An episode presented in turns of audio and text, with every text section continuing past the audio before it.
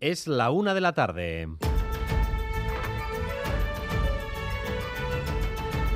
Crónica de Euskadi con Dani Álvarez.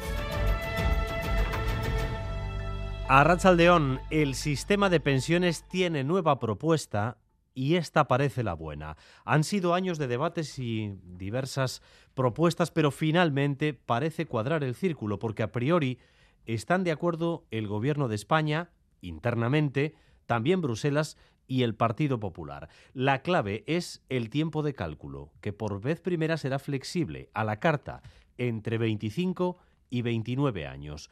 Madrid, Miquel Arregui, Rachaldeón. A León, sí, el Gobierno ha buscado un equilibrio entre lo que le pedían sus socios parlamentarios y Bruselas. Se ampliará el periodo de cómputo de las pensiones, sí, pero será el trabajador o trabajadora quien lo elija dependiendo si le beneficia o no. Este periodo será pues de 25 años o de 29, descontando de este último los dos años con una cotización más baja. El objetivo de esta propuesta es claro, aumentar los ingresos del sistema público de pensiones y garantizar así su sostenibilidad para las próximas décadas. Los sindicatos parecen estar de acuerdo con una propuesta que contaría ya con la mayoría suficiente para salir adelante en el Congreso. Así es, el acuerdo político parece sólido, con esa supervisión de Bruselas, PSOE, Unidas Podemos y el Partido Popular están en el mismo barco una reforma de pensiones que va a garantizar el poder adquisitivo de los pensionistas, va a reforzar la equidad, la equidad del sistema y finalmente lo que va a hacer es garantizar la sostenibilidad del sistema público de pensiones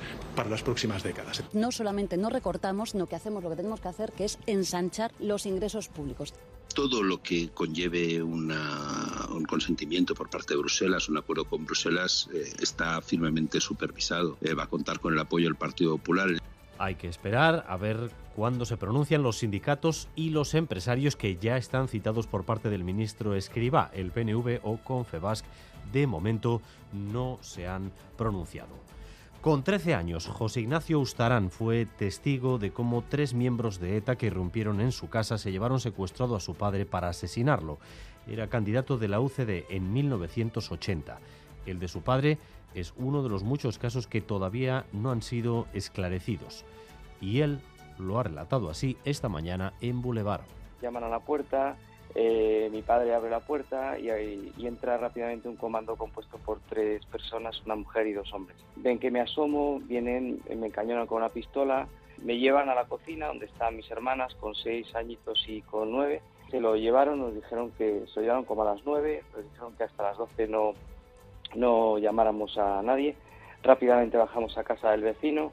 Eh, al rato empezó a llegar gente y al rato llegó la policía. Y a eso de las 12 de la noche, pues yo estaba con mi hermana eh, pequeña, estaba intentando dormirla, y oí un grito desgarrador de mi madre. Y esa para mí ya fue la señal de que habían encontrado asesinado a mi padre de dos tiros en la cabeza.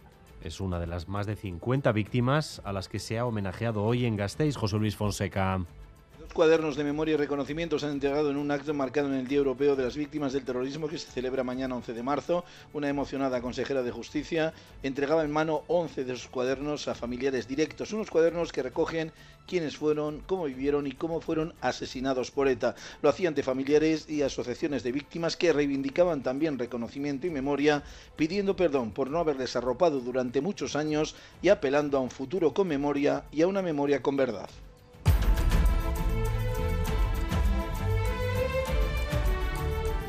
En la provincia de Lleida, un grave accidente de tráfico ha costado tres vidas y dos de los fallecidos son vascos, aunque de momento desconocemos su identidad. Ander López Lerena. Sí, ha sucedido esta pasada madrugada en la localidad de La Fuliola, en Lleida, cuando se ha producido una colisión entre un todoterreno y un camión. Al parecer, después de que el turismo se saltara un stop, los tres ocupantes del todoterreno han fallecido, una mujer de 28 años, residente en Cataluña, y dos hombres de 42 y 45 años de edad, residentes en Euskadi y que iban a pasar el fin de semana a Cataluña.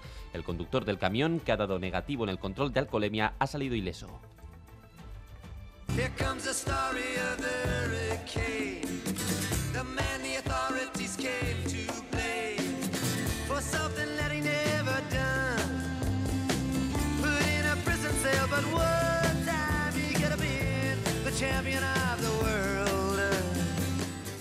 Dylan vuelve a Donostia tras 17 años. Este verano va a ofrecer dos conciertos en junio en el Cursal, presentando su nuevo disco, Rough and Rowdy Ways. El anterior concierto de Bob Dylan en Donostia fue en 2006 en la Zurriola, en el denominado Concierto por la Paz. Las entradas para los dos conciertos de Donostia se van a poner a la venta el miércoles, el próximo miércoles 15 a las 10 de la mañana en la web del Cursal.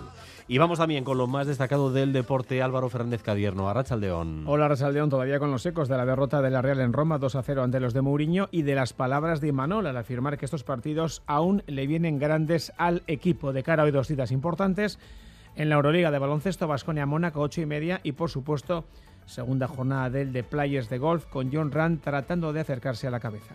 A esta hora cielos con intervalos nubosos, algo más cubiertos, más encapotados en la costa, pero de cara a la tarde parece que la nubosidad irá progresivamente dispersándose, se abrirán claros y además seguiremos con temperaturas cálidas muy similares a las de ayer. Estamos en los 17 grados en Bilbao, 15 tenemos en Donostia, 14 en Pamplona o en Bayona y 13 en Vitoria-Gasteiz. Gracias un día más por elegir Radio Euskadi y Radio Vitoria para informarse.